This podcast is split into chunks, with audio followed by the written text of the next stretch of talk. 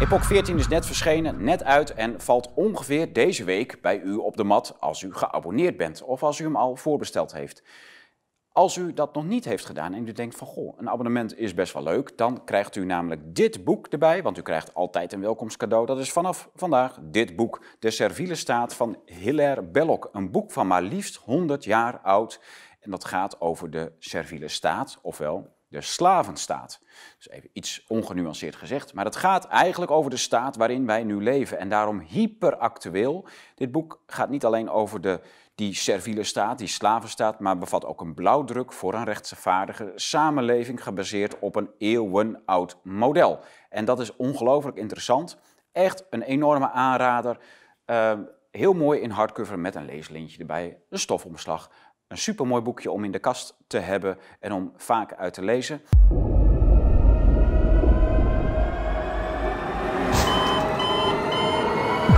Van harte welkom bij Blue Tiger Studio in Groningen. Mijn naam is Tom Zwitser en vandaag gaan we vanuit de studio in een stormachtige uh, omgeving alles wat er rond dat Oekraïne uh, gebeuren nu uh, speelt, gaan we uit de doeken doen met een, iemand die daar heel veel van weet. Dat is namelijk de ondernemer en econoom Peter van Sticht uit het zuiden van het land.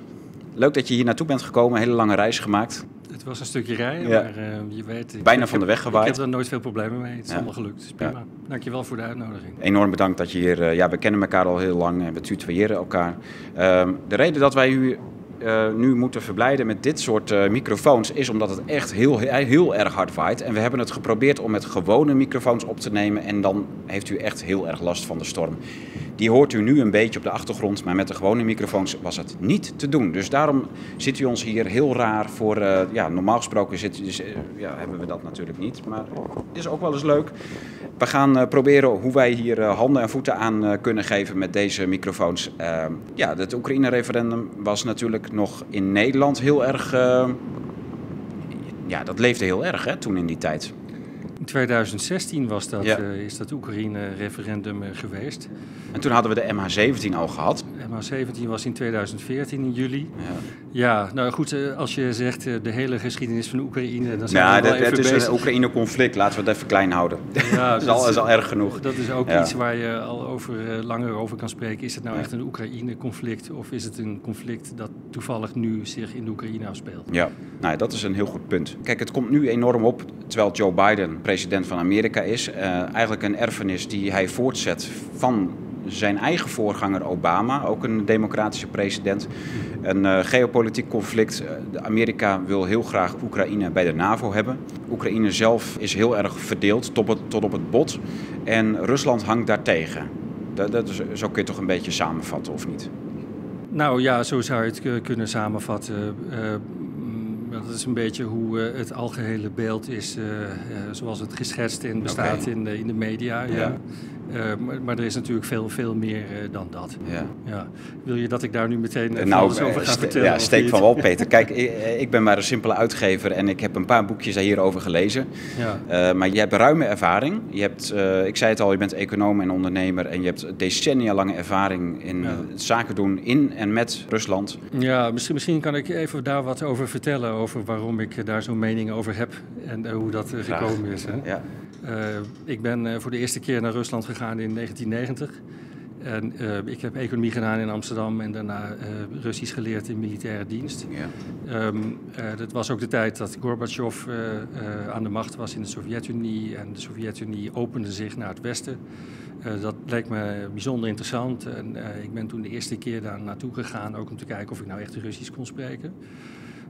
De situatie was toen heel slecht in de Sovjet-Unie. Het stond echt op, op instorten. Uh, maar ik vond het heel interessant. Ik vond het ook heel prettig om met de Russen te praten. Um, en ik had het idee van, nou, er gaat een heleboel gebeuren. Het was toen wel slecht, maar ik had het idee, er gaat veel veranderen. En daar wil ik wel deelgenoot van zijn. Yeah.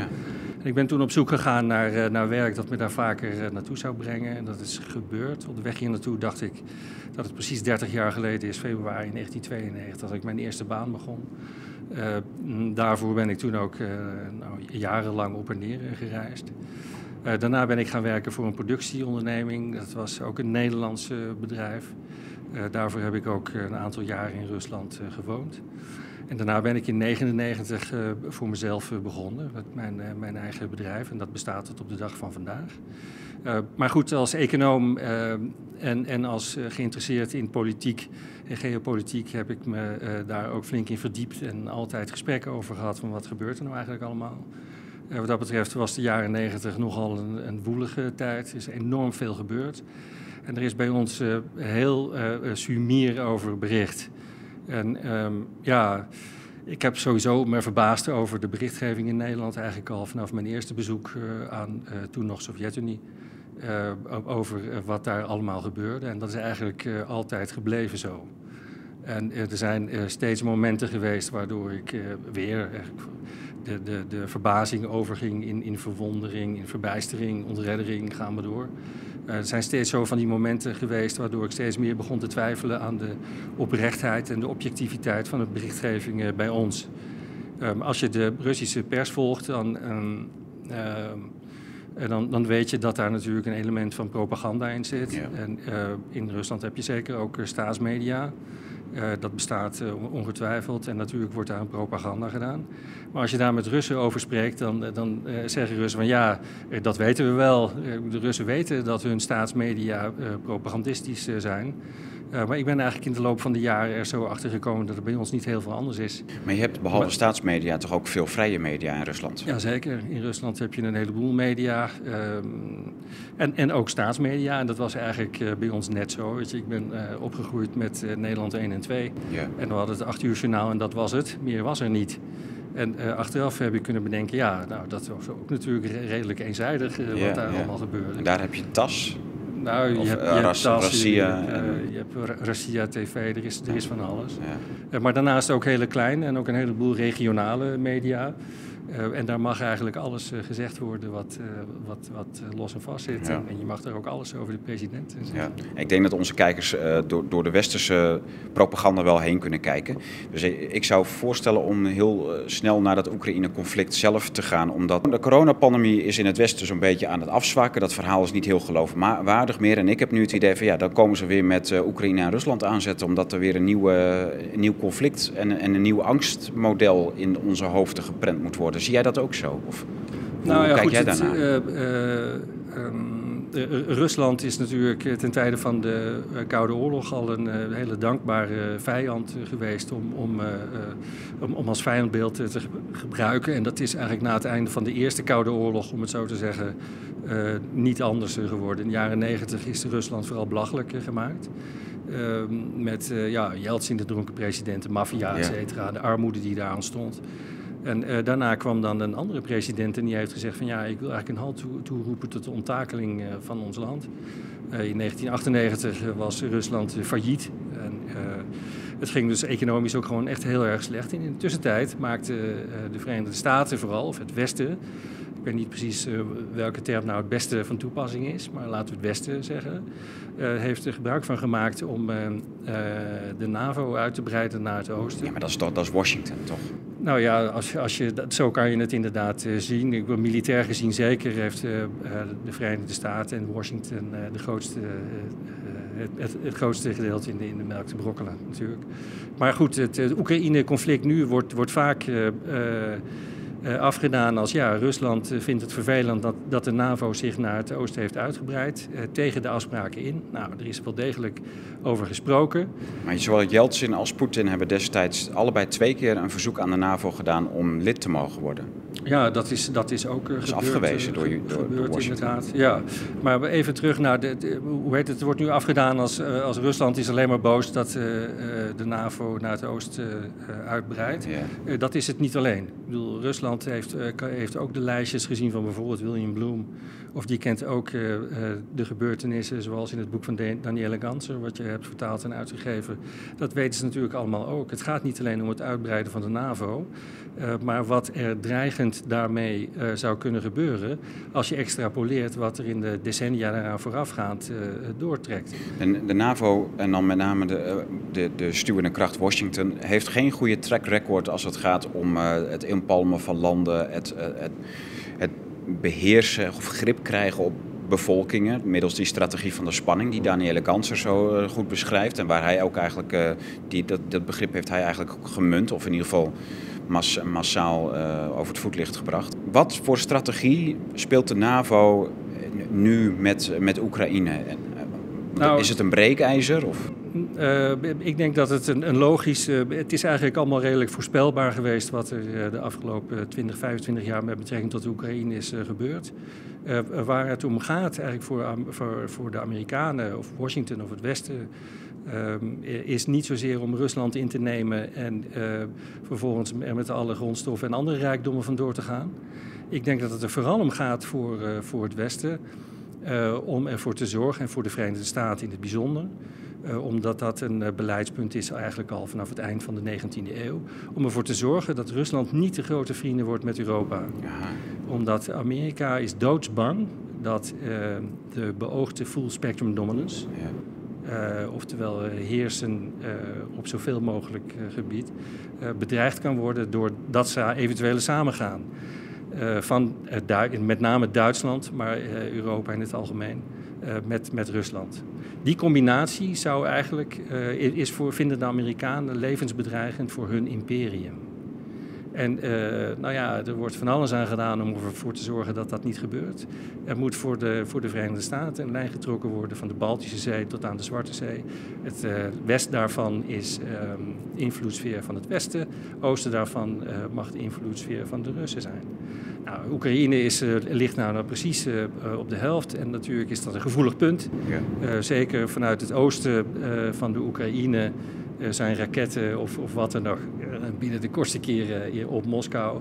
En ja, of je het nou raar vindt of niet, maar Rusland en Moskou is daar gewoon bang voor. Ja. Zeg maar, ik, heb, ehm, ik zag afgelopen week iets leuks op de social media voorbij komen. Een plaatje van de, de, de, het kleine strookje zee tussen Alaska en Rusland. Mhm. Dus de, het noordelijke deelte, gedeelte van de grote oceaan. Ja, de Beringstraat. De, de Beringstraat. En de opmerking daarbij was, als Amerikanen nou zo graag oorlog willen met Rusland, laat het dan daar gebeuren. Mm dat is heel grappig, ja, heel gevat. Uh, nou ja, goed, uh, niet heel ver daar vandaan is vorige week een uh, Amerikaanse duikboot, of hoe noem je dat, een onderzeeboot tussen de, Kuriele, de Zuid-Koreale eilanden van, van Rusland doorgevaren. Zo. ja, dat is, is in de territoriale wateren van Rusland. De territoriale wateren, en dat is natuurlijk ook gewoon weer een, een, een volgende provocatie. Ja. En dat wordt eigenlijk al... dat hebben wij hier niet gehoord. Nee, ja, maar er wordt hier zoveel. Uh, dat, dat soort nieuws wordt hier niet uh, gebracht. Maar die Beringstraat is heel nauw, hè? Dat is, dat is een straat van volgens mij, nou, ik schat het zo op 50, 60 kilometer breed. En er liggen dan ook nog wat eilanden in, die dan ook nog van Amerika zijn. Mm -hmm. ja. En, en ik, ik, zat er zo eens te kijken met Google uh, Maps. En dan kun je die satellieten aanzetten. En dan zie je dus dat die eilanden, ja, er was nog, op een van die eilanden zat nog een dorpje en dan met een schooltje. Mm -hmm. En dat was letterlijk 30 kilometer van de Russische kust. Ja, ja. Dat is, dat is, Amerika grenst gewoon aan Rusland. Ja, zeker. En dat was uh, Sarah Palin, zegt die naam je nog Zeker, ja. Die heeft uh, een keer meegedaan met de presidentsverkiezingen. En zij ja. liet zich erop voorstaan op de vraag... Uh, maar mevrouw, u heeft helemaal geen, uh, geen ervaring op buiten- of geopolitiek gebied. Nou, zei ze, ik kan vanuit mijn raam wel Rusland zien. Ja, ja en dat is letterlijk... Want zij woont daar. Ja, zij woont daar. En dat was haar ervaring op buitenlandse gebied. Maar zij was actief in de staat Alaska en die hele staat grenst natuurlijk aan, aan Rusland. Ja, de, de Verenigde Staten hebben Alaska gekocht. Hè? Ik, ik weet niet meer precies wanneer het was. Van de Russen. Ja, Sarah Palin die, uh, uh, was dus. Uh, was zij gouverneur van Alaska of niet? Nee, ik geloof niet dat ze gouverneur was, nee. maar dat durf ik niet met zekerheid te zeggen. Oké. Okay. Nee. Maar zij, zat, zij, deed wel, zij was wel actief in de politiek daar. ja, dat denk ik wel. Nou ja, zeker is zij zeker toen ehm, actief geworden. Maar op het gebied van, van geopolitiek kan ze natuurlijk niet tippen aan Joe Biden. Uh, die in 2014 uh, natuurlijk al vice-president was onder ja. Obama en het dossier uh, Oekraïne deed. Ja. En, dus, dus ja, dat dit nu wordt doorgezet, dat, dat verbaast niet. Maar goed dat je dat zegt, want dat, eigenlijk zeg je daarmee dat Obama zijn eigen zelfgecreëerde conflict nu aan het voortzetten is. Biden is dat ja, dan? Biden. Ja, je zei Obama. Biden, ja, Joe Biden, ja. omdat, jij zei dat heel mooi net, dat hij dat onder Obama deed. Maar hij, hij doet het nu weer als president. Ja, ja. Nou, ja, zeker. En uh, je kan merken dat hij uh, er zelf ook bij uh, betrokken is. Um, niet zoals Obama die het overliet aan, aan Joe Biden. Maar ja, dat was misschien ook omdat Obama zelf met nog wat andere conflicten her en der over de wereld bezig was. Syrië. Dus bijvoorbeeld. En ja, zo zijn er eigenlijk continue conflicten waar de Verenigde Staten bij betrokken zijn. Ja. En dat is nu dan, nu in de Oekraïne, daar wilde je het nog wat concreter over hebben. Is dat, natuurlijk, is dat natuurlijk ook zo, ja. Het is toch wel uh, komisch, hè? Dus als je je bedenkt dat Amerika aan Rusland grenst, dat daar een hele kleine zeestraat tussen doorloopt, mm dat, dat Amerika juist aan de andere kant van Rusland, waar, waar ze helemaal geen landbezit hebben, mm dat, dat ze daar juist voortdurend stoken. Georgië was jaren terug. Mhm. Oekraïne is al jaren aan de gang en zo kennen we meer van die kleurenrevoluties in de landen ja, grenzend aan Rusland. En in mhm. die, uh, wat, uh, wat zoekt Amerika daar wat ze niet in de Beringstraat kan uh, realiseren? Nou ja, ik denk dat het niet zozeer gaat om, om landjepik, maar um, hoe heet dat? wie heeft wie? dat was George Friedman. heeft in 2015 ook nog wel weer een tipje van de sluier opgelicht over hoe Amerika te werk gaat in dit soort situaties. En daar gaat het niet zozeer, eh, zoals hij zegt, van ja, uh, wij kunnen niet een land als, uh, uh, als Irak helemaal bezetten. Um, wij kunnen daar niet met zoveel soldaten komen om het hele land te bezetten. Maar wij, wij willen jullie gewoon wat pijn doen hier en daar. Chaos creëren. chaos creëren. We hoeven jullie niet allemaal dood te maken, maar we willen gewoon wat pijn doen hier en daar. Ja. Wat natuurlijk ook een hele grote rol speelt, is dat het imperium van, eh, van de Verenigde Staten, als je het zo eh, noemt, eh, op zijn retour is. Ehm, en er zijn eigenlijk tegenmachten weer aan het opkomen, vooral China en Rusland ook. En die doen bijvoorbeeld wat Gaddafi in Libië ook heeft gedaan, gewoon minder willen werken met de petrodollar. En zo is... Uh, en, en, waarmee wel? Met goud en de euro? Euro's, of, euro's, met, met yuans of met roebels. Mm -hmm. met andere, do, uh, andere valuta dan dollars. Ja. Omdat die landen vinden dat Amerika de dollar gebruikt als wapen. En nou ja, China is natuurlijk als economische macht groeiend en Rusland gaat in de slipstream mee.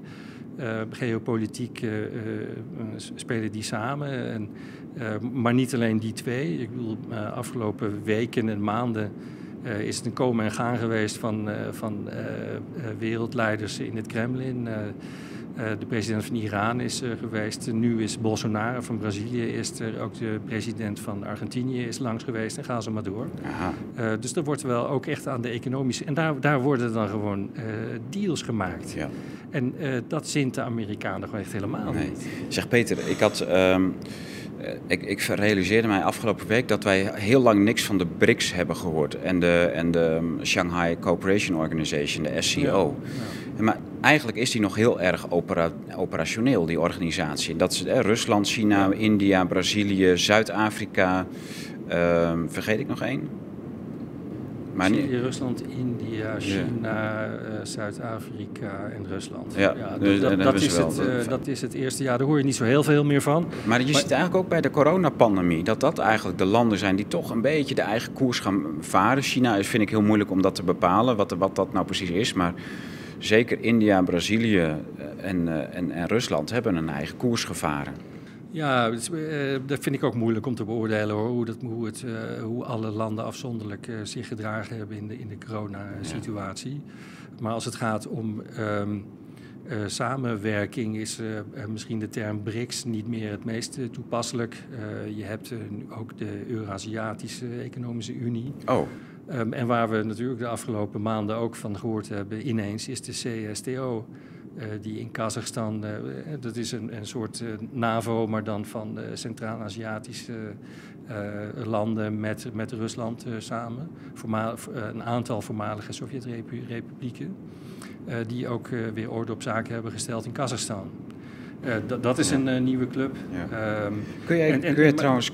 Maar, als ik, ik even afmaken, misschien is de belangrijkste nog wel iets waar we hier bij ons ook bijzonder weinig over horen.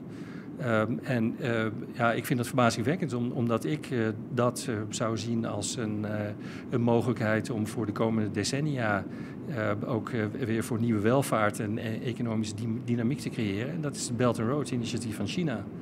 En um, ja, dat wordt hier uh, aan, aan uh, westerse kant ook volledig neergezabeld. Maar dat zijn eigenlijk gewoon de nieuwe zijderoutes, uh, zoals die eeuwenlang en eeuwen geleden hebben bestaan. Maar ruilen we daarmee niet de oude hegemoon Amerika in voor de nieuwe hegemoon China?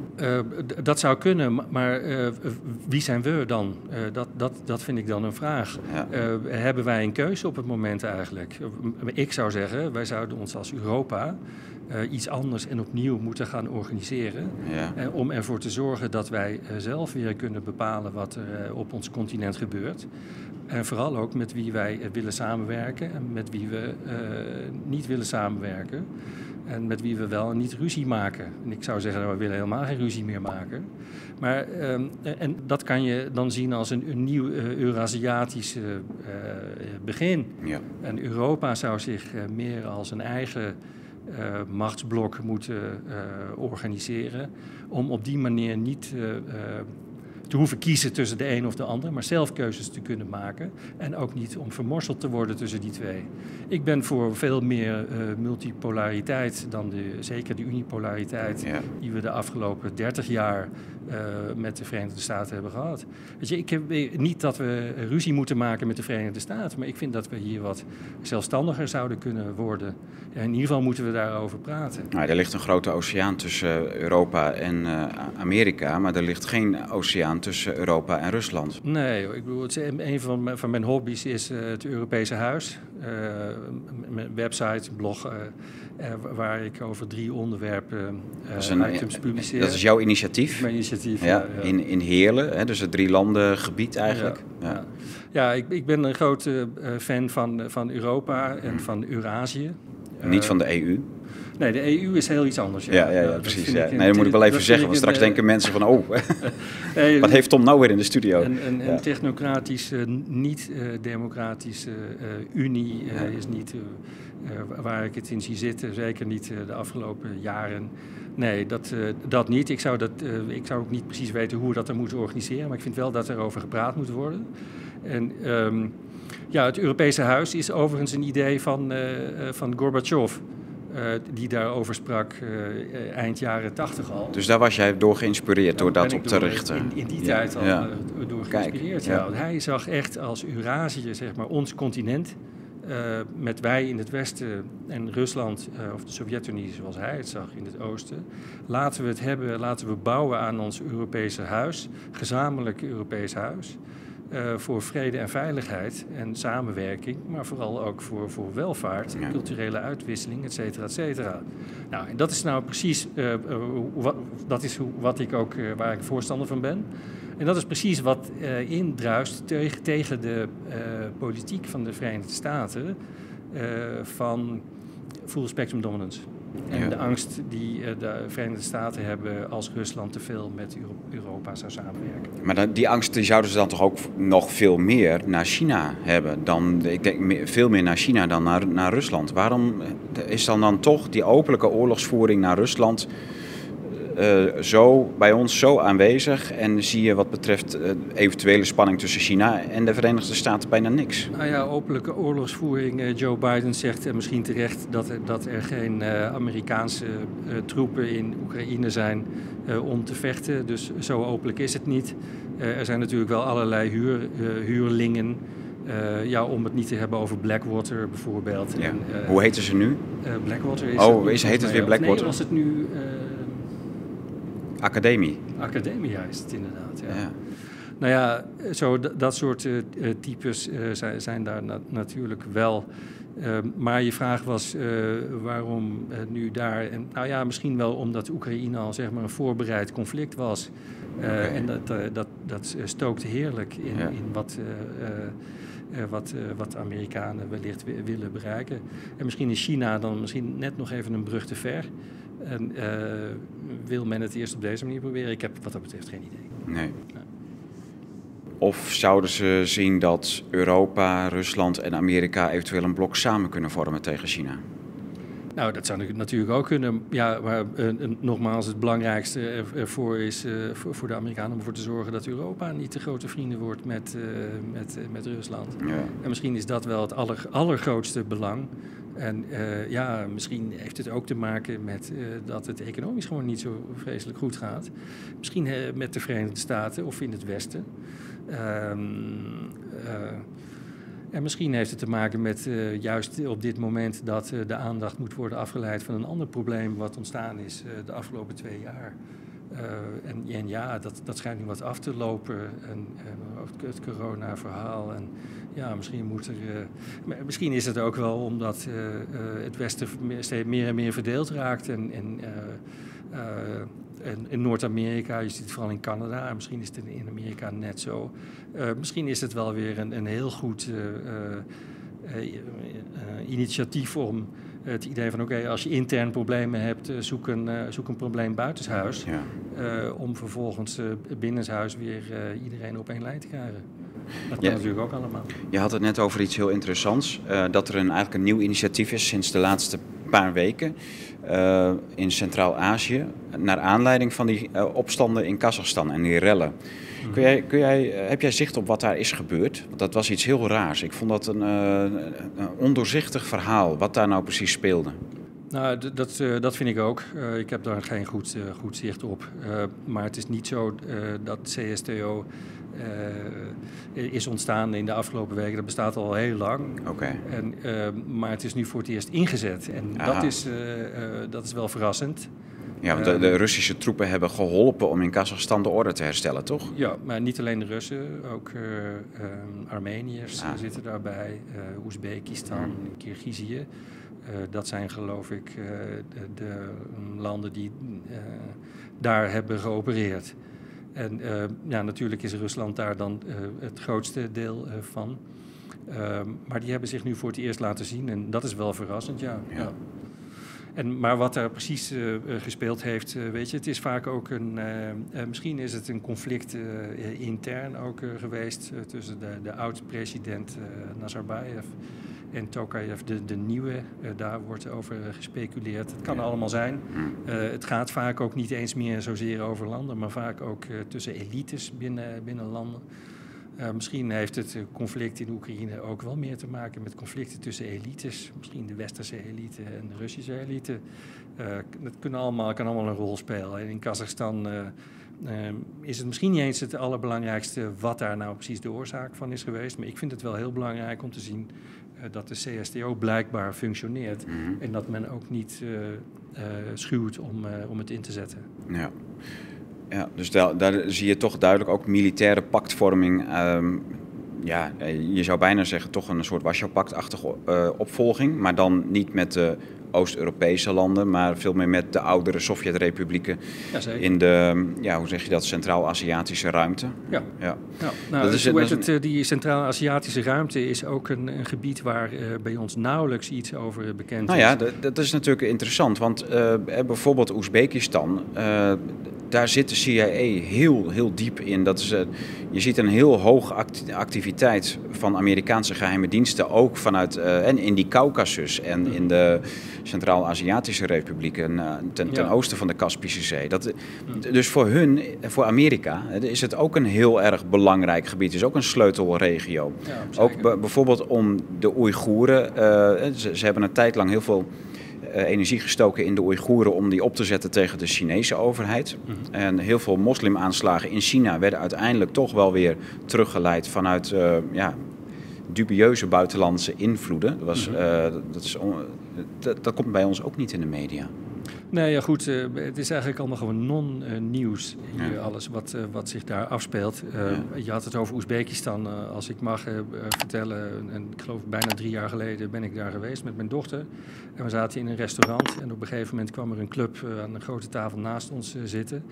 En na veel gedoe raakten we in gesprek. En daar bleek ehm, daar bleek de minister van Cultuur van Oezbekistan aan tafel te zitten met uh, twee Russen en een Chinese dame. Zij, zij vierde haar verjaardag in het restaurant. Het was een fantastisch feest. Okay. Zij bleek de voorzitter te zijn van de uh, Kamercommissie van de, of parlements Commissie van Buitenlandse Zaken van China. Aha. En zij vertelde dat ze daar was, speciaal in verband met het Belt and Road initiatief. Ja. En waar het om ging was dan niet alleen uh, zeg maar om te praten over de aanleg van, uh, van de spoorlijn. Maar vooral ook alles wat ermee te maken heeft. En de minister van Cultuur zat erbij, vooral ook voor culturele uitwisseling. Dus jij had het over dat de CIA zit te stoken. Maar de Chinezen ook. En, en, mijn ervaring is, de Chinezen zijn daar ook. En die praten niet alleen over maar dat zaken, moet ook, kijk, Belt en over, over culturele uitwisseling. En dat vind ik interessant. En ik vind dat wij, dat wij ook op die manier zouden moeten opereren. Ik vind het veel interessanter. Ja. Nee, ik weet sowieso dat de Chinezen bezig zijn, ook cultureel, om bijvoorbeeld kunstenaars van, grote kunstenaars van hier daar naartoe te halen voor exposities en dergelijke. Mm voor hun een, uh, ja, blijkbaar belangrijk. Mhm. Net zoals dat het Westen uh, heel erg belangrijk vindt dat er Chinese dissidente kunstenaars zijn die zij weer kunnen gebruiken. Dat is toch, dat is toch weer een beetje ja. je, een politiek verhuld in, in, in termen van ja, cultuur, om het zo maar te zeggen. Maar het, het blijft allemaal. Ja. Ja dat is, eigenlijk is het jammer dat we het daar eigenlijk over moeten hebben. Maar blijkbaar moet het, het zou veel interessanter maar in principe, zijn. Om ja, maar dus, die zijderoute is transparant. Hè. Er komt een spoorlijn, dat zijn handelsverbindingen tussen Europa en uh, China. Dus het is heel logisch dat de Chinezen daar actief zijn. Net zoals dat ze in Afrika heel actief zijn. Ook met een um, Oost-West uh, treinverbinding. Dat, en een paar havens. En, uh, ze, ze, ja, ze hebben daar grondstoffen, die hebben ze ook nodig. Mhm. Dus dat is, dat is op zich heel begrijpelijk natuurlijk. Ja, en Argentinië heeft zich nu ook aangesloten bij de BRI. Je zou zeggen, het ligt niet helemaal uh, op de lijn. Maar uh, daar gaat het niet om. Het gaat erom dat er um, en met en naast en, en door de Belt and Road initiatief ja. veel betere handels- en investeringsmogelijkheden zijn in dat gebied. Uh, dan in andere regio's. En, en, daar zou je, zouden we naar moeten kijken. Uh, zeker voor de komende decennia. Want ik zou anders niet zo goed weten waar we nog onze welvaart mee zouden moeten continueren. als wij op deze manier bij ons uh, zo doorgaan. Ja. En je had het nog, nog even je had het over militaire bondgenootschappen. De meest belangrijke is nog niet genoemd. En dat is denk ik dat China zich in het, de situatie rond Oekraïne als zich achter Rusland heeft uh, oh. uh, geschaard. Rusland heeft echt gezegd van ja, Westen, um, wij staan achter Rusland en jullie moeten de veiligheidsbedenkingen ehm, die Rusland heeft bij, bij dit, dit handelen serieus nemen. Aha. En dat is denk ik een hele belangrijke. Ja. ja. Dat geeft te denken, ja. Ja, ja. zeker. Ja. Geeft te denken, geeft te praten, ja. ja. Het is voorlopig nog niet klaar. Nee, Peter, jij, uh, wat ik zei, jij, jij doet al decennia, uh, ben jij intensief uh, ja, operationeel in Rusland, bedrijven en zaken doen. Uh, je hebt daar een bedrijf, je hebt hier een bedrijf en jij reist veel, je hebt veel heen en weer gereisd. Dat ligt natuurlijk nu een tijdje stil, want je, en je hebt ook nog een tijd met sancties gehad. Mm -hmm. hoe was die tijd? Uh, ja, uitdagend, maar dat is het eigenlijk altijd wel uh, geweest. En um, ja, ik, ik, denk dat uh, zaken doen niet alleen met Rusland altijd uitdagend is. Um, wij hebben eigenlijk niet, niet, heel veel last gehad van, van sancties. Okay. wij zijn, nou toevallig hebben we in de goede hoeken gezeten. Andere sectoren hebben meer last gehad. toen bijvoorbeeld in 2014 uh, Europa sancties instelde tegen Rusland, heeft Rusland gezegd van oké, nou dan willen wij vanuit Europa geen uh, zuivel, vlees, groenten en dat soort Dat was direct na de MH17, hè? Een paar dagen daarna. Ja. En uh, nou ja, er wordt ook gesuggereerd dat het een met het ander te maken had. En Amerika wilde dat Europa sancties instelde. En, ja. Nou ja, goed, na MH17 deed iedereen wel mee. Hm. Um, ja, en toen, ja, dat was dus vooral primaire uh, agrarische productie, dat Rusland niet meer uit Europa wilde hebben. nou, wij zitten niet in die hoek, wij zitten in de diervoersector. Sector, en wij vielen daar buiten. Dus okay. wij mochten gewoon doorleveren. Ja. Dus hebben we gelukje ja. gehad. Ja. En, maar dat wil niet zeggen dat het dan vervolgens makkelijk is. Dat, dat, is, het, dat is het nooit. Hoe is zaken doen in Rusland? Ja, ik vind dat prima. Ik, heb ook, ik moet ook eerlijk zeggen dat ik in weinig andere regio's nog zaken heb gedaan. Dus het is moeilijk okay. Eh, te vergelijken. Uh, maar wat ik, ik spreek wel veel mensen. En um, um, nou ja, in de beginjaren werkte ik en hier, dat wil zeggen in Nederland en in Rusland. En hier in Nederland zat ik op het kantoor WTC in, in Amsterdam. op, op 12 hoog, ik weet niet meer precies. Uh, en de andere twee weken was ik op reis door Rusland. En uh, ja, op reis door Rusland vond ik toch echt leuker dan, uh, dan ja, het kantoor. kan ik me erg goed voorstellen. En ja, het, het, het is, ik vind het heel erg leuk. Maar, maar de, moor, de daar, heb je daar ook gewoon dat het om contracten gaat? Of worden er ook spelletjes gespeeld? Heb je, heb je taalproblemen? Waar loop je tegenaan? Of het, er zijn misschien wel vooroordelen over corruptie en, en weet ik veel wat. Ja, nou goed, dat, dat soort verhalen zijn er altijd. Er zijn ook corruptieverhalen eh, bekend in andere landen. Ik bedoel, uh, hier ook? Mm, ja, ja. hier ook. Ja. Zeker hier nee, maar goed, waar, waar, loop je als vreemdeling tegenaan? Je bent ooit toch een keer een, als vreemde Rusland binnengekomen. Ja, maar goed, uh, dat ik Rusland sprak heeft natuurlijk wel veel geholpen. Jij sprak Russisch? Ja, okay. maar dat, dat, dat is niet het allerbelangrijkste. Het gaat toch om uh, of je de goede mensen kan vinden. En, en dat, is, dat is niet alleen in Rusland zo, dat is overal ja. zo. Ja, hier ook. En, ja. ja. en dan moet je natuurlijk ook een beetje geluk hebben. Maar ik, heb, ik vind de Russen zeer betrouwbaar. contract is contract, afspraak is afspraak. Okay. En daar wordt niet aan getornd. Zo. En uh, ik denk dat ik niet de enige ben die daar, uh, die daar zo over denkt. Ja, je kan natuurlijk altijd kwaaien uh, hebben. Maar nogmaals, dat is overal zo. Leverde maar, jij daar aan, aan diervoederfabrikanten of de, rechtstreeks aan de boeren? Nou, van alles en nog wat. Oh. Alle mogelijke. Oké. Okay. En ook aan partners verderop in het land. Die vervolgens in hun eigen regio. Weet je, als je in, in heel Rusland zelf wil beleven, dan heb je een leger al bijna nodig. Dat is echt dat is niet te doen. Het is zo ontzettend groot. En, uh, maar wat, uh, wat mij vooral aansprak eigenlijk vanaf het begin uh, al in het zijn, leven en werken in Rusland is de, de menselijke component.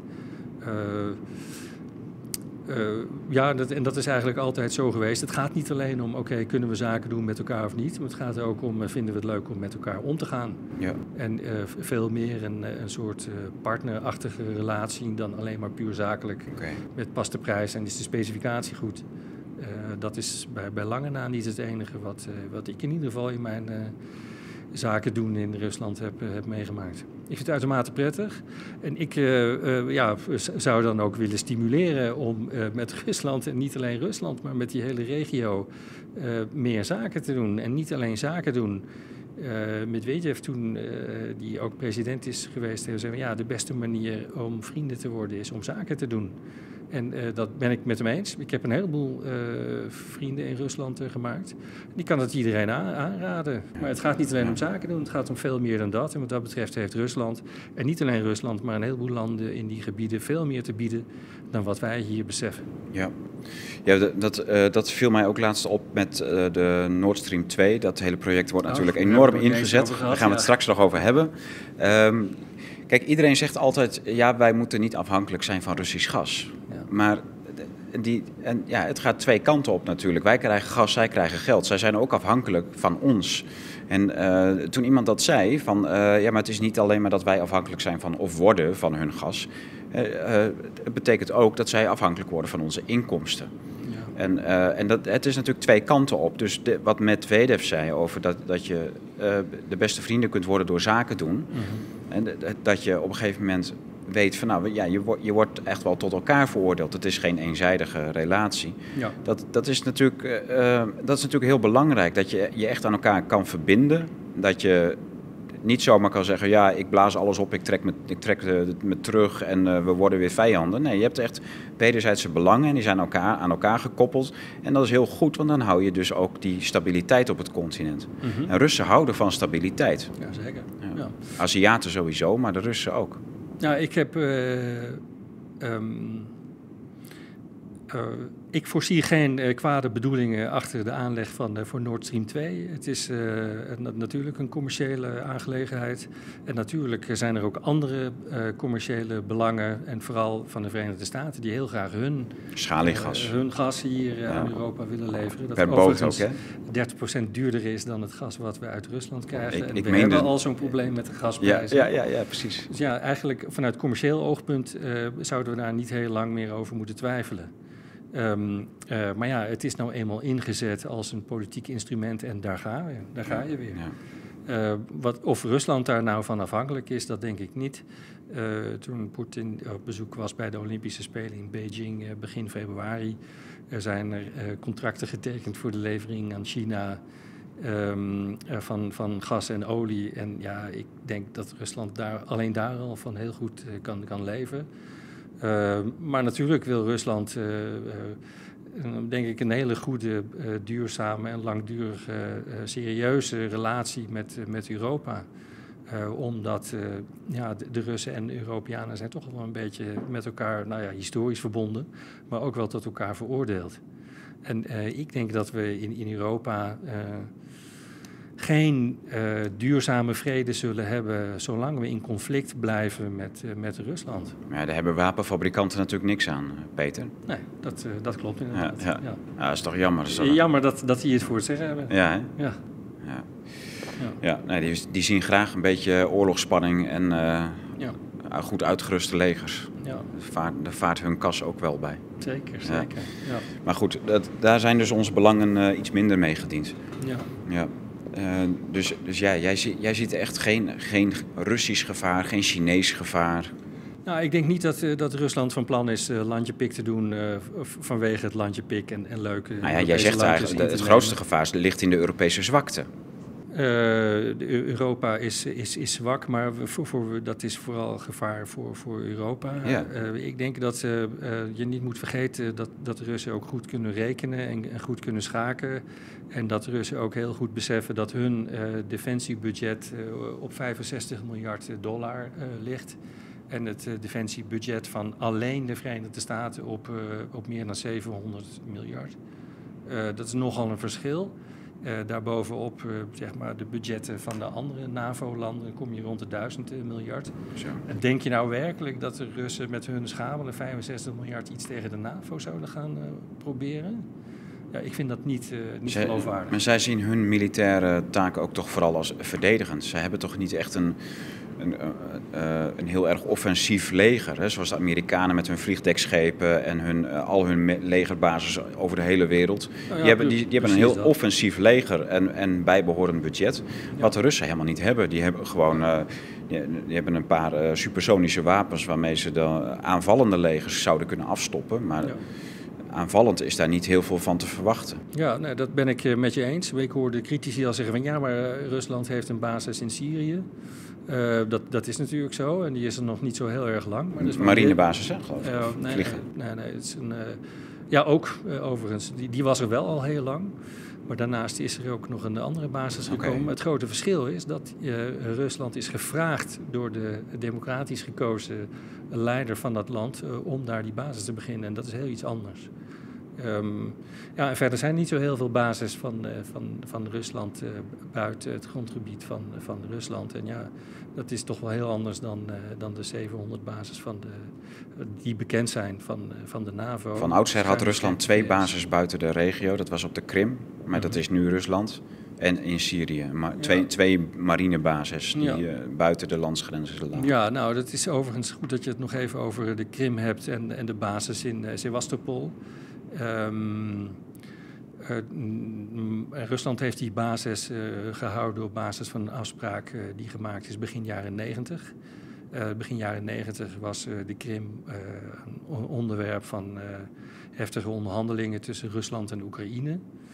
Uh, Rusland wilde uh, per se die, die basis houden in uh, Sevastopol om controle op de Zwarte Zee te ja. kunnen houden. En als je naar de kaart kijkt en, en je, je stapt in de schoenen van de Russen, dan besef je dat dat een belangrijk is in geomilitair opzicht om daar controle op te houden. Ehm, er zijn ook referenda geweest in die tijd waaruit heel makkelijk is af te leiden dat een heel groot deel van de Oekraïne uh, maar zeker... Uh, Van op, zeker op de Krim? Op de Krim. Ja. Uh, niet er stonden te springen om ja. de Sovjet-Unie uit elkaar te laten vallen. Want ik meen toch dat ten tijde van de sovjet ja, de, in de Sovjet-tijd, in de jaren 50, dat de Krim al binnen die Sovjet-gebeuren uh, dat de Krim van Rusland naar Oekraïne is gegaan, toch? Dat is toch... Ja, ja, ik maak even de gedachte af over ja? uh, hoe dat ging uh, toen. En vervolgens is er een afspraak gemaakt waarbij de Krim Oekraïens zou worden. Behalve dan de, de, de marinehaven ja. in Sevastopol. Rusland had toen ook kunnen zeggen van ja, nee, wij willen per se die Krim houden. Maar dat heeft Rusland niet, toen niet gedaan. Mhm. tegen de wil van de bewoners van de Krim in overigens. Okay. En ehm, ja, dus dat de, de Krim een belang, of dat Rusland een belang heeft bij, bij de Krim, dat, dat lijkt me duidelijk. En vervolgens is er ook nog een, een referendum geweest uh, en er wordt dan gesproken over een annexatie. Nou ja, goed. Uh, een annexatie waar, waarbij dan vervolgens nul doden zijn gevallen. En ja, hoe vreselijk was dat dan eigenlijk allemaal? Maar dan de geschiedenis van de Oekraïne is natuurlijk een. ja, is, is er een die, die terug, verder teruggaat dan, dan wat jij zei in de jaren 50. Waarbij de Krim dan ook is toegevoegd aan de administratieve eenheid Oekraïne. Maar als je wat verder teruggaat in de tijd, dan zie je dat hele grote delen van, van wat nu Oekraïne heet, uh, eigenlijk nooit uh, tot het land Oekraïne behoort, uh, heeft behoren. Het is, heel lang, het is heel lang gewoon bij het Zarenrijk heeft het behoord. Het heeft ja. een tijdje bij Polen gehoord. Ja, het westelijk gedeelte zeg maar, was, was uh, ook een gedeelte Oostenrijk-Hongarije, Roemenië en Galicië van, van Polen. Ja. het oostelijk gedeelte en het zuidelijk gedeelte, ja, daar, daar wonen ook nog steeds voor het grootste gedeelte in ieder geval Russisch-talige mensen, waarvan er ook nog een heel groot gedeelte etnische Russen. En um, ja, dat, dat maakt het wel anders dan alleen het beeld van oké, oh dat arme Oekraïne. Ja. Uh, dat, dat wordt, wordt bedreigd door Rusland dat het wil innemen. Dat is een oversimplificatie die eigenlijk niet goed van toepassing is. Hmm. En, um, maar ja, het dient wel een bepaald belang om het zo af te schilderen natuurlijk. Ja.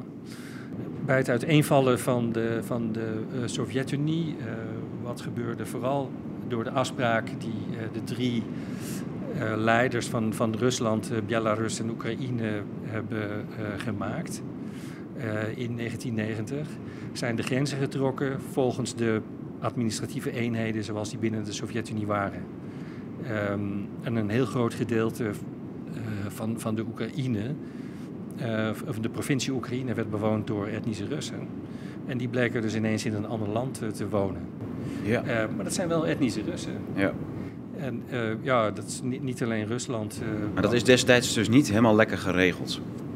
Nou ja, de afspraak is gemaakt, dus in principe is dat prima als die afspraken zo, zo gaan. En als daar vervolgens iedereen ook wordt gerespecteerd als, uh, als een etnisch Rus binnen, uh, binnen, binnen de Oekraïne. En dat is uh, ook vrij lang goed gegaan.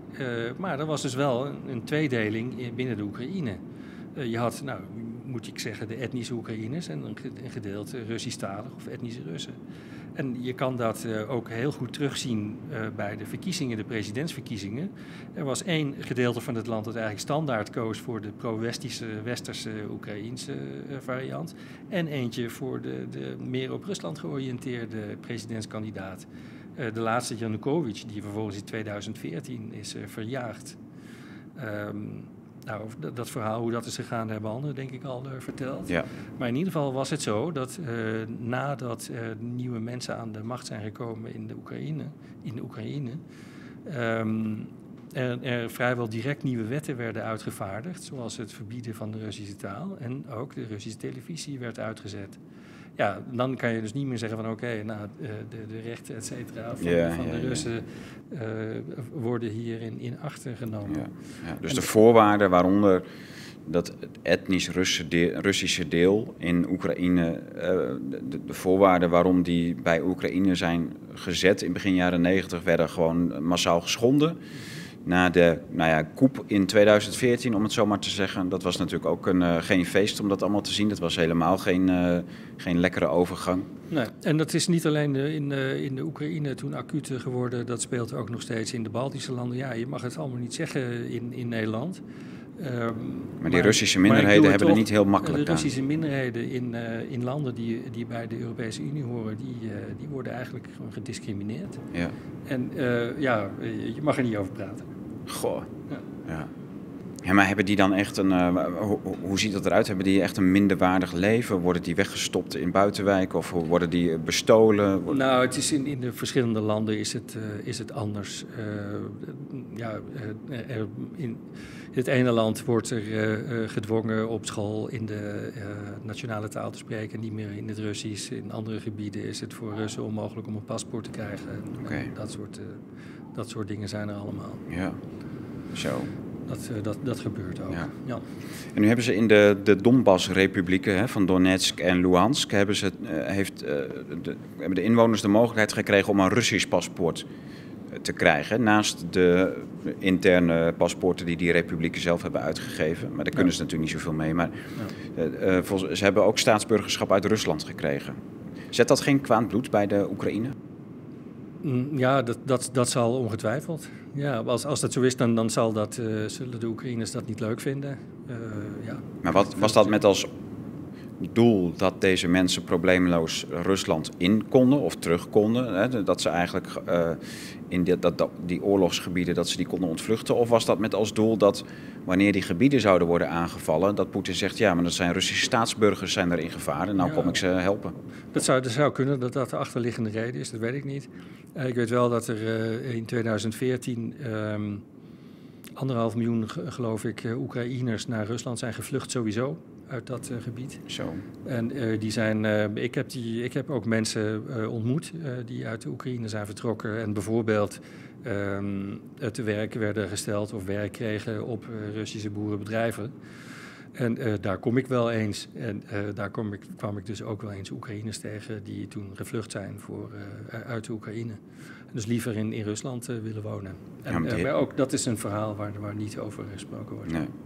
Want dat, hele uh, Russische deel uh, ten oosten van Oekraïne, dat is een hele vruchtbare regio. Er zit veel akkerbouw, geloof ik, graan.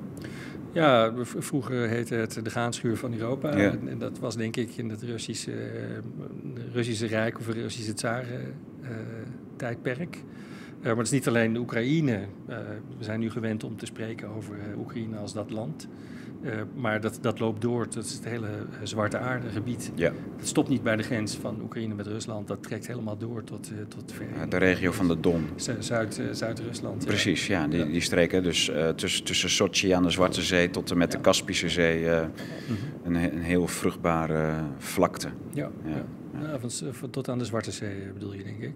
Van Sochi tot, tot aan de Zwarte Zee. En een heel groot gebied Zwarte Aarde. ja. ja. Heel erg groot uh, landbouwgebied. Mm. Mm -hmm. ja. ja. je hebt ongetwijfeld ook veel met Russische cultuur, of niet? Nou, de opera's, de literatuur. Ja, ja, nou, het, ja je, je, moet daarvan houden natuurlijk. Ja. En als je daarvan houdt, dan kom je daar vanzelf wel mee in aanraking. Ja. Ja. Ja. ik vond eh, dus boeken als de, de, Stille Don, ja, ik vond het echt waanzinnig mooi. Ja. Ongelooflijk. Nou, we zijn in, uh, uh, in 2013 eigenlijk vlak voor dat ehm, Ehm, het is de problemen in uh, Oekraïne serieuzer werden. Eigenlijk zijn we nog met het hele gezin ook naar de Krim uh, geweest.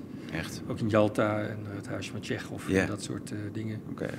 Ja, het is allemaal echt heel erg leuk en ja, je kan je daar enorm uitleven. Ja. Een mooi vakantiestukje ook, hè, daar, de, de, de Krim. Ja, het is, het is prachtig, maar ja. dat is, ja, weet je, ik zou iedereen aanraden om eens te gaan kijken. niet alleen op de Krim, maar in Rusland sowieso. Ik heb, nou ja de afgelopen decennia zoveel mensen op bezoek gekregen. Ook uh, vrienden en als toeristen, maar ook uh, zakelijke partners die kwamen. En ja, bij aankomst op vliegveld Moskou zie je ze al fronsen. En zodra we dan zeg maar in de stad aankomen en een rondje over het Rode Plein, dan duurt natuurlijk als eerste, ja, binnen een half uur begint iedereen van ja, maar Peter, hoe, hoe, hoe kan het nou dat het de werkelijkheid zo anders is dan het, dan het beeld wat wij hebben van Rusland. Ja. En oké, okay, sta je in alleen. Want het is imposant? Of wat, ja, het is, het is ja, gewoon modern, het is imposant, het is groot, het is uh, mooi.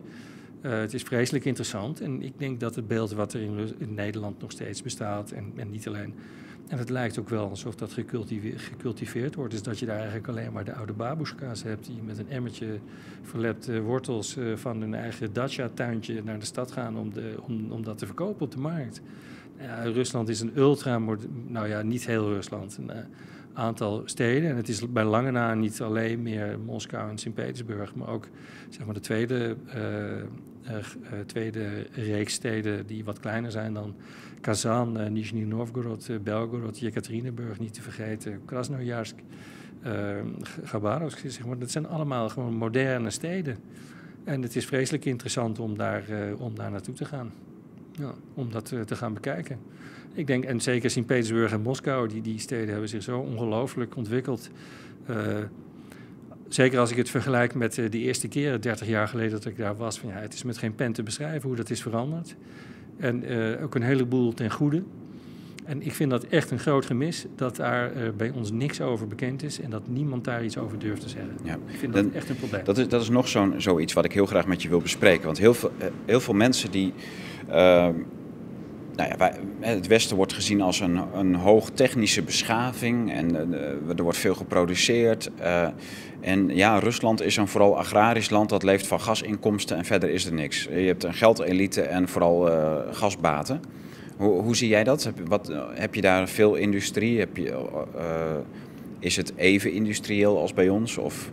Ja, dat is even nog over, je zegt ook landbouw. Ik wil nog even daarover toen in 2014 sancties kwamen. Het, het, was voor de, de Russische landbouwsector was dat een zegen. Omdat de concurrentie uit Europa, de goedkope concurrentie, wat, wat grote gevolgen heeft gehad ook voor de boeren en de toeleverende, toeleverende bedrijven richting Rusland. maar ja, ik heb veel contact ook met de, de grote landbouw- en producerende bedrijven in, in, Rusland. Die vonden het prima dat die concurrentie wegviel. En uh, dus die vonden het prima om, dat die sancties ook nog wel gehandhaafd uh, zouden blijven.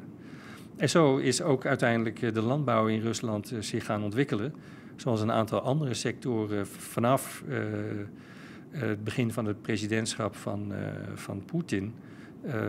zich gaan, gaan ontwikkelen. En het heeft heel lang geduurd voordat ook de landbouw eindelijk zich begon te ontwikkelen. Want dat bleek nog heel lastig om dat te stimuleren vanuit de overheid. En uh, vanaf 2005 is dat wel zo mondjesmaat begonnen. Uh, de overheid begon ook weer subsidies te geven. Er werd ook weer wat meer gereguleerd, et cetera. Dat heb ik in mijn zaken, in de sectoren waar wij leveren, ook echt daadwerkelijk gemerkt. Ja, um, dan nog even terug naar helemaal het begin toen ik daar was, voor de eerste keer kwam. En het gevoel dat ik had van, oh ja, het is hier wel echt heel erg slecht. Er functioneert hier helemaal, er functioneert er niet meer zo heel erg veel. Um, maar ik had wel het idee van nou, uh, het is hier nu wel slecht, maar de Russen zijn niet gek. Uh, die zijn uh, niet voor niks toch een wereldmacht geweest, of een supermacht. Of, en um, dat zijn ze misschien dan nu niet meer, maar dat gaat wel weer een keer komen. En um, ik denk dat, het, dat je niet kan verwachten dat binnen 30 jaar, het, het lijkt heel lang, maar eigenlijk is het niks voor zo'n enorm groot land met zo'n enorm groot uh, gebied. Uh, met zes tijdzones en zo'n zulke afstanden, et cetera, het heel moeilijk is om het daar uh, binnen de kortste keren zo allemaal netjes en precies te organiseren zoals wij denken dat het moet. Ja. en zoals Nederland is georganiseerd. Maar ja, je moet dat wel in perspectief kunnen plaatsen. En dat ik verwacht dat Rusland zich verder zal, zal ontwikkelen, dat denk ik wel. En, en ook wat betreft productie. Ja, maar dat maar, is, als, dat is een als, beetje... als econoom zie ik daar ieder, iedere normaal of goed functionerende economie begint met een goed functionerende landbouw. En nou ja, als je weet hoe ver weg de landbouw in de jaren negentig in Rusland is weggezakt. en je ziet waar het nu is, ja, dan is er wel het Maar wat, waar draaide de economie toen op? Dat, wat was dat? Wanneer precies bedoel je? Nou, jaren 90. Ja, 90 was... Uh, Gewoon geen economie. Import-export. Het is in de ja, ja, ik, ik ben uiteindelijk in de, uh, in de landbouw terechtgekomen um, omdat ik erachter kwam dat, even kijken waar ik het beste mee kan beginnen. ik had een, een aanvraag voor een bepaald product en landbouw daar was ik mee bezig. En toen sprak ik iemand en ik ging wat lezen, statistieken bekijken, et cetera. En toen kwam ik erachter dat de melkveesector bijvoorbeeld in 1999 produceerde nog maar 50% van de hoeveelheid melk die geproduceerd werd tien jaar daarvoor. Zo. Dus zeg maar, melkkoeien werden aan stukken gesneden voor vlees. Niemand wilde meer in de landbouw werken. in die tijd kwam natuurlijk ook het hele financiële systeem uh, naar, naar Rusland. Dat was er nooit geweest. Toen kreeg je die, die neoliberale cowboys uit uh, Chicago die ja, uh, Yeltsin gingen bijstaan. Omdat, ja, ja, dat, dat is allemaal gebeurd. Dus er waren ineens allemaal banen in Moskou en Sint-Petersburg... waar je in een strak pak met glimmende schoenen je bezig kon gaan houden met marketing... En waarom zou je in de, in de bouw gaan werken? Of waarom zou je in de landbouw gaan oh, werken? Echt, in de fabriek? Ja? ja, dat was gewoon niet meer interessant. Uh, dus die sectoren werden dan, die, die, die kwamen al vrij snel in de problemen. En het uh, platteland ontvolkt dan ook? Of, ja, zeker. Dat, was, dat was al aan de gang. Maar nu niet meer, toch? Ja, ik weet ik eigenlijk niet zo. Dus ik heb begrepen van mensen die graag een boerderij willen in, uh, in Rusland. Ja, in het oosten kun je nog terecht, maar bijvoorbeeld ten zuiden van Moskou, dat Dongebied, is heel lastig. Daar is eigenlijk alles al een beetje verdeeld. Mm -hmm. dus mo moeilijk om aan grond te komen. Nou ja, uh, er, er, wordt wel ge, uh, geprobeerd, uh, laat ik het zo zeggen, ja, okay. om... weet je, de hele structuur van de landbouw is in Rusland heel anders dan bij ons. Bij ons gaat het nog wel om, vaak om familiebedrijven. nou ja, dat is door Stalin effectief in de jaren 30 van de vorige eeuw zeg maar om zeep geholpen. Okay. Daar zijn de grote bedrijven gekomen, de Kolgo's en de Sovgo's. Sorry, dat, dat weet iedereen wel. Ja, ja. en dat is een beetje de nieuwe cultuur geworden. Eh, de grote bedrijven. Dat heeft ook voordelen als je heel snel wil dat je, je, landbouw, dat je landbouw zich weer gaat ontwikkelen. Dan stimuleer je grote bedrijven. Ehm, maar er wordt tegelijkertijd wel ook subsidies gegeven voor mensen als zij zich ergens willen vestigen. Bijvoorbeeld ook in het Verre Oosten, in de Primorsky Krai, zeg maar de provincie boven Vladivostok, uh, tot aan Gabarovsk. Uh, daar kan je een hectare gratis krijgen als je daar ook echt gaat wonen. Dat is Siberië, toch? Of niet? Nee, is voorbij Siberië. Oh, voorbij nog, oké. Dat is zeg maar het Verre Oosten. Is dat niet een soort... Um, um, ja, ik, ik, weet, ik ben daar nooit geweest. Is dat niet een soort moerasachtige... nee. Nee, oké. Nee, het is niet moeras. Het is eigenlijk meer een, een taiga heb je daar. Dat is een soort oerwoud. Je kunt daar goed boeren? Nou ja, als je dat wil, kan je daar echt wel, wel iets doen, ja. Maar je moet daar wel een uh, Russisch staatsburger voor zijn. Kijk. Ik heb er ook wel naar gekeken. Ik heb er ook uh, veel vragen over gekregen de afgelopen uh, twee jaar... van boeren die willen vertrekken en graag naar Rusland toe willen. Ja, kan ik me daar vestigen? En um, ja, dat kan. En er zijn ook nog wel andere Nederlanders, maar heel weinig overigens. Eh, actief in Rusland. Eh, niet alleen in de landbouw, maar ook zakelijk uh, zie je in, in heel Rusland veel meer Duitsers. Duitsers, ja, precies, wat ik net zeggen. Ja. Uh, Duitsland en Rusland gaat, gaat heel goed en je komt overal Duitsers tegen. Ja. Nederlanders zijn eigenlijk... Van oudsher zie je daar veel Duitsers ook. Ja, denk ik ja. ja. Maar over, over landbouw, ja, maar dat komt niet echt van de grond. Hm ik het zo zeggen. Tenminste, niet dat ik heb gemerkt. dat, dat is een beetje dat verwijt wat ik dan eh, wel eens links en rechts hoor. Van ja, maar die Russen, die, daar, komt, daar zit geen initiatief. Als je Nederlanders of Westerse mensen hun gang laat gaan, dan bloeit het overal. Ze zijn ondernemingsgezind, ze doen van alles. Ze, ze maken, ze... Uh, uh, ja, zetten bedrijven op en die staat is alleen maar een hindernis. Maar bij de Russen is het precies andersom. Ze doen eigenlijk uit, uit hunzelf komt er dan niet zoveel. Maar als die staat er dan met heel veel moeite, eh, veel energie, veel subsidie, veel echt heel erg stimuleren, dan gaat dat heel langzaam, komt dat een beetje van de grond. En, en dat is een beetje het verwijt, dat Rusland eigenlijk niet een westers land is met een westerse ondernemingsmentaliteit, een eigen initiatief. Ja, nou, ik, eh, die, die verwijten zullen voor, voor een deel ook best, eh, best terecht zijn. Uh, maar dan wil ik wel eens nog met een uh, Nederlandse boer spreken en vragen hoezeer en hoe vrij hij is op dit moment om in Nederland te precies. ondernemen. Heel terecht. Ja. En ehm, ja. Nee, die staat is een enorme belemmering. Ja, En, in, in, Rusland, ik zal niet zeggen dat ik zal nooit zeggen dat het daar een paradijs is. Natuurlijk is dat het niet. maar waar is dat dan wel?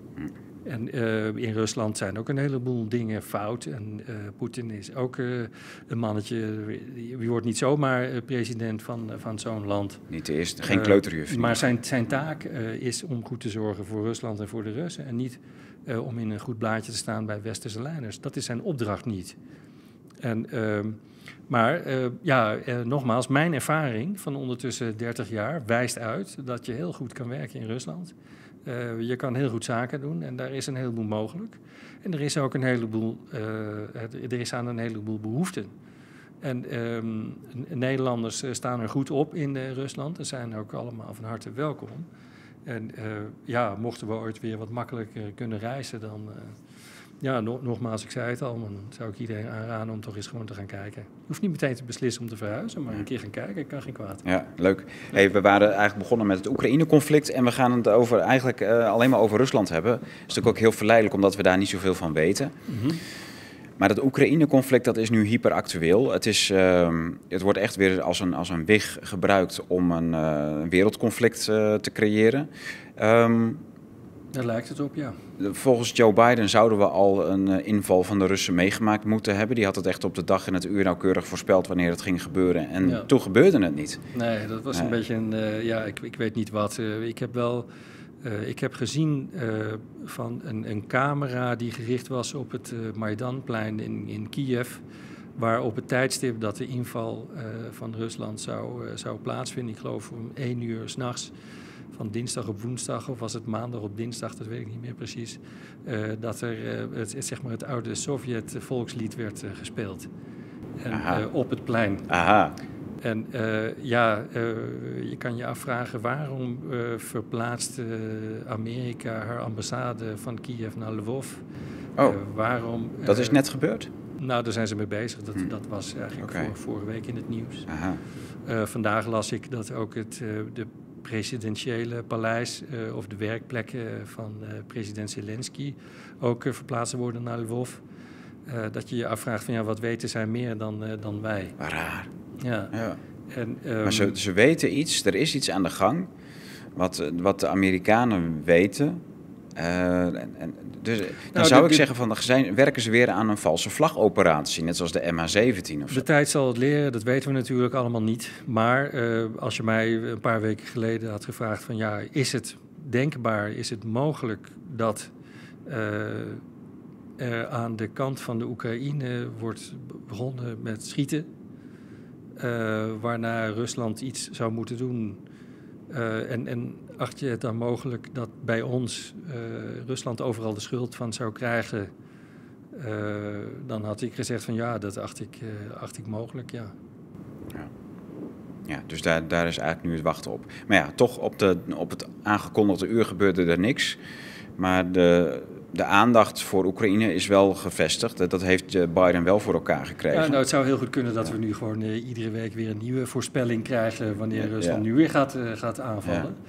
En uh, gisteren heeft uh, Maria Zagarova, zeg maar, uh, woordvoerster van het ministerie van Buitenlandse Zaken van Rusland, gezegd of gevraagd, ik geloof aan de Britten en de Amerikanen, of ze dan wel het tijdstip van de inval van Rusland kunnen afstemmen, zodat daar wel overeenstemming over is. Ja, ja. niet dat ze allemaal een ander tijdstip hebben. iedereen weer een ander...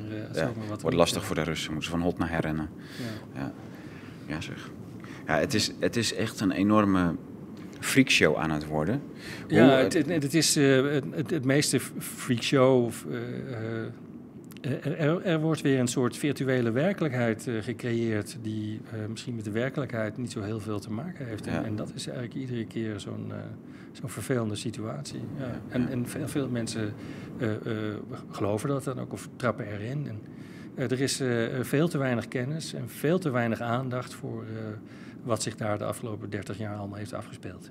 Dat vind ik een probleem. Drie weken geleden gaf eh, president Zelensky de westerse pers eigenlijk de schuld. Dus de enige waar echt de, de oorlogsstemming merkbaar was, was de westerse pers volgens hem.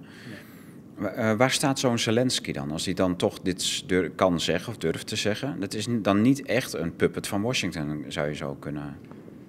Ik vind dat heel moeilijk uh, te zeggen. Of, uh, gezien zijn ervaring in de, in de politiek en, uh, en de andere ervaring die hij wel heeft, uh, kan je je afvragen hoe sterk hij is als, uh, als president.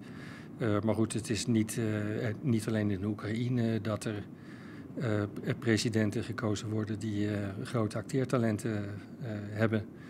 dat was ook in Amerika zo in de jaren tachtig. Dus, Reagan, ja. En hebben we ook, ook Reagan, we worden grote staatsmannachtige uh, kwaliteiten toegedicht. Dus misschien uh, is dat met Zelensky ook wel zo. Ja. Ik, heb ze, ik weet het niet ingezegd. Duidelijk. Ja.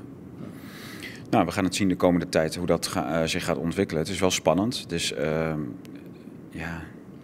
Ja, het is, het is bizar natuurlijk. En, en, en wat, wat, hebben we, wat, wat schieten we er nou eigenlijk allemaal mee op? Ja. En, en zeker ja, vanuit, niks. vanuit Europese belangen. En, en dat is eigenlijk het belang waar ik het liefste naar kijk. schieten we daar niks mee op. Als je ziet dat, dat Duitsland niet mee wil doen en Frankrijk en Tsjechië en Hongarije en, meer, en Denemarken ook niet, die willen hier gewoon niet in mee. En uh, als dat zo is, ja, dan moet het toch eigenlijk ook mogelijk zijn als Europeaan om ervoor te zorgen dat dit verder niet gebeurt. Ja. Dat zou ik me wensen, ja. Dus ik hoop maar uh, dat, er, uh, dat er niet te veel wordt geprovoceerd en dat de Russen de rust zullen kunnen bewaren zoals ze die tot nu toe hebben kunnen bewaren. Ik hoop het ook. We gaan het afwachten. Dank voor je komst naar Groningen, Peter. Ehm, het was een lange trip vanuit Heerlen. Uh, Vanavond met uh, wind mee terug uh, ja, zal een stuk sneller Het is ook niet voor de eerste keer dat je die trip gemaakt hebt. En ik ben ook een keer bij jou geweest, dat was ook leuk. Met, kijk, wie hebben we daar gehad? Ulrich Mies hebben we geïnterviewd. Matthias Raad. Ja, Matthias Raad. Een interview trouwens wat, wat we in onze jaarcatalogus van vorig jaar hebben afgedrukt. En daar is heel veel commentaar op gekomen. Mm Vonden mensen prachtig. Met Matthias Raad bedoel je? ja. ja heel indrukwekkend geweest voor de. Nou ja, goed, dat is dan natuurlijk vertaald. Hè? Mhm. ja. ja, het is ook nogal een verhaal wat hij vertelt. Hè? Ja. Oh ja, over vertalen gesproken. Mhm. waar, waar, kun je als, als iemand hè, van hier, wij lezen Engels, Duits, Nederlands, hoe kun je dit conflict het beste volgen? Nou, zoveel mogelijk verschillende bronnen. Ik vind het mooi dat uh, er steeds meer um, andere mediakanalen en bronnen komen. In Nederland hebben we natuurlijk ehm, eh, de andere krant uh, als gedrukte weekkrant en gezond verstand. Nou, jij uh, al jaren, ik geloof jaar en negen jaar. Uh, Timmy de weg, Café Weltschmerz, Blackbox hebben we. Maar het is echt niet alleen maar in Nederland. Geopolitiek is dat allemaal heel lastig. Dat is met, ja, dan ja, heb je niet zoveel aan Blackboxen en Weltschmerz. Nee, maar misschien uh, het is in eerste instantie belangrijk dat er, dat er andere media zijn, ja. komen, dat die zich ontwikkelen. En dan uh, verwacht ik en neem ik aan dat er dan ook weer wat meer uh, belangstelling voor geopolitiek uh, zal komen. Ja. En, want wat er op geopolitiek gebied gebeurt, is uiteindelijk ook belangrijk voor het dagelijks leven van iedereen. Maar wat ik nog, ik vind het belangrijk dat het in Nederland is, maar wat nog wat net zo belangrijk is, dat het niet alleen in Nederland is. Je hebt in Duitsland heb je de Democratische Widerstand, ook een gedrukte krant. Die hebben daar wel meer oog voor, voor deze thematiek? Nee, ook nog niet. Maar je hebt wel Rubicon. Ja, uh, Rubicon, internetportaal. Ja. Uh, fantastische kwaliteit dat is wel, uh, journalistiek. Ja. je hebt Apolloet, het voormalige KenFM. Uh, je hebt uh, Antibeeld, uh, je hebt Visa in Duitsland, je hebt TKP van Peter Maier, geloof ik, in Oostenrijk. Okay. Daniele Ganser met Swiss Political Research in Zwitserland. Sieper. Sieper. we hebben in België hebben we Kairos, Thinkerview in Frankrijk. Nou, wat hebben we nog? Voltaire net in Frankrijk heb je ook. Voltaire net is natuurlijk al, al, al, heel lang. Um, dan hebben we nog uh, de Light Paper in, in Engeland, heb ik uh, onlangs ontdekt. Okay. Zo zie je dat er eigenlijk overal wel uh, andere media, kanalen en bronnen aan het ontstaan zijn. En het is belangrijk voor het evenwicht. Er zijn heel veel mensen die graag willen blijven geloven in, in de verhalen en de narratieven. zoals die eigenlijk al decennia lang, vooral over Rusland, maar over een heleboel andere onderwerpen, worden verteld. Uh, het is belangrijk om daar uh, de andere kant van het verhaal te belichten. Ja. En um, ja, ik, ik, zou heel graag uh, zeg maar die, al die media wat met elkaar verbinden. En kijken of we daar weer op Europees niveau een, een nieuw soort journalistiek van kunnen maken. Ja, oh, dus dat, dat staat nog in de stijgers, dat plan? Nou ja, het is best alleen nog maar een idee. Ja. Maar goed, met, met mijn Europese, Maar met jouw platform, met het met Europese, mijn Europese huis. huisidee, ja, ja, is dat wel iets waar ik, waar ik graag aan wil werken. Ja, ja mooi. Dankjewel, Peter. Um, ja, dat Europese huis, dat is dus uh, aanwezig sowieso op Twitter. Kun je op uh, abonneren, Twitterkanaal van het Europese Huis. Uh, dan volg je dus Peter van Sticht, ondernemer en econoom die actief uh, zaken doet in Rusland, uh, bedrijven heeft in Nederland en Rusland. Dat is ontzettend interessant. dank Peter voor al je expertise en je toelichting. Het is een spannende tijd.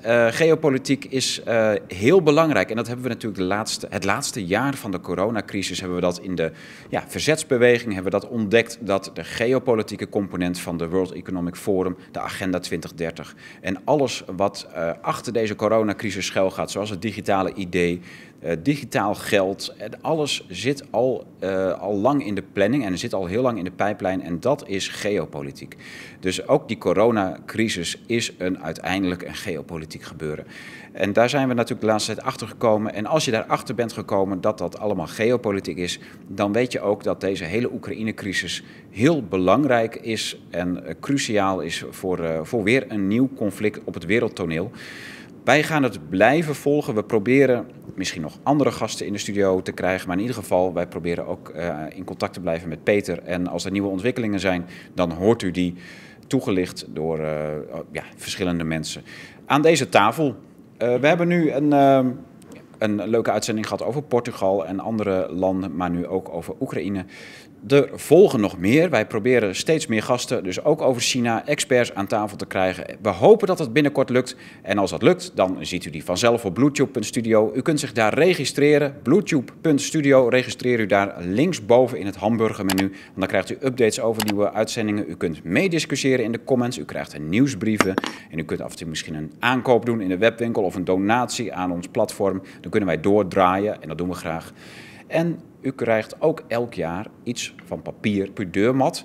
Uh, een catalogus, maar meer dan dat, een, echt een, ja, een omroepgids met uh, de nieuwe boeken, interviews, de hoogtepunten van de Blue Tiger Studio en de plannen die wij maken en gerealiseerd hebben. Tot de volgende keer. Mag ik nog een vraag stellen aan jou, eh, Tom? Ja, Peter. Uh, hoe uh, zit het met de vervolg op permafrost? Uh, daar heb ik met veel plezier gelezen, jouw boek. Ja, ja, ja. Dat is ja, ook ja, een beetje een, een mm. Russische term, permafrost. Ja. Ik heb gelezen tot mijn genoegen dat je daar goede dingen over Rusland hebt geschreven. Hoe zit het met het beloofde deel 2 en 3? Dat, dat is tot de helft af, maar dat is er eigenlijk al heel lang. Aha, ja, okay. ja.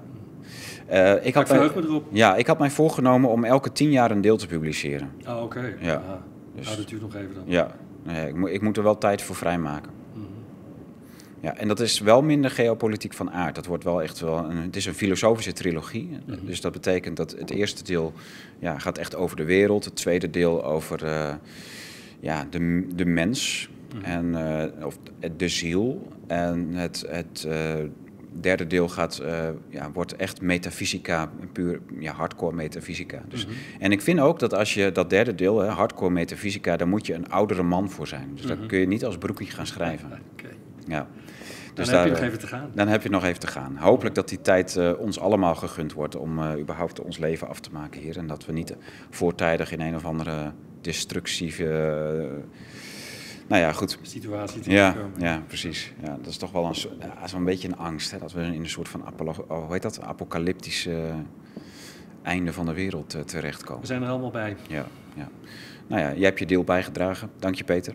Alsjeblieft. Ja. Bedankt voor het kijken. Tot de volgende keer.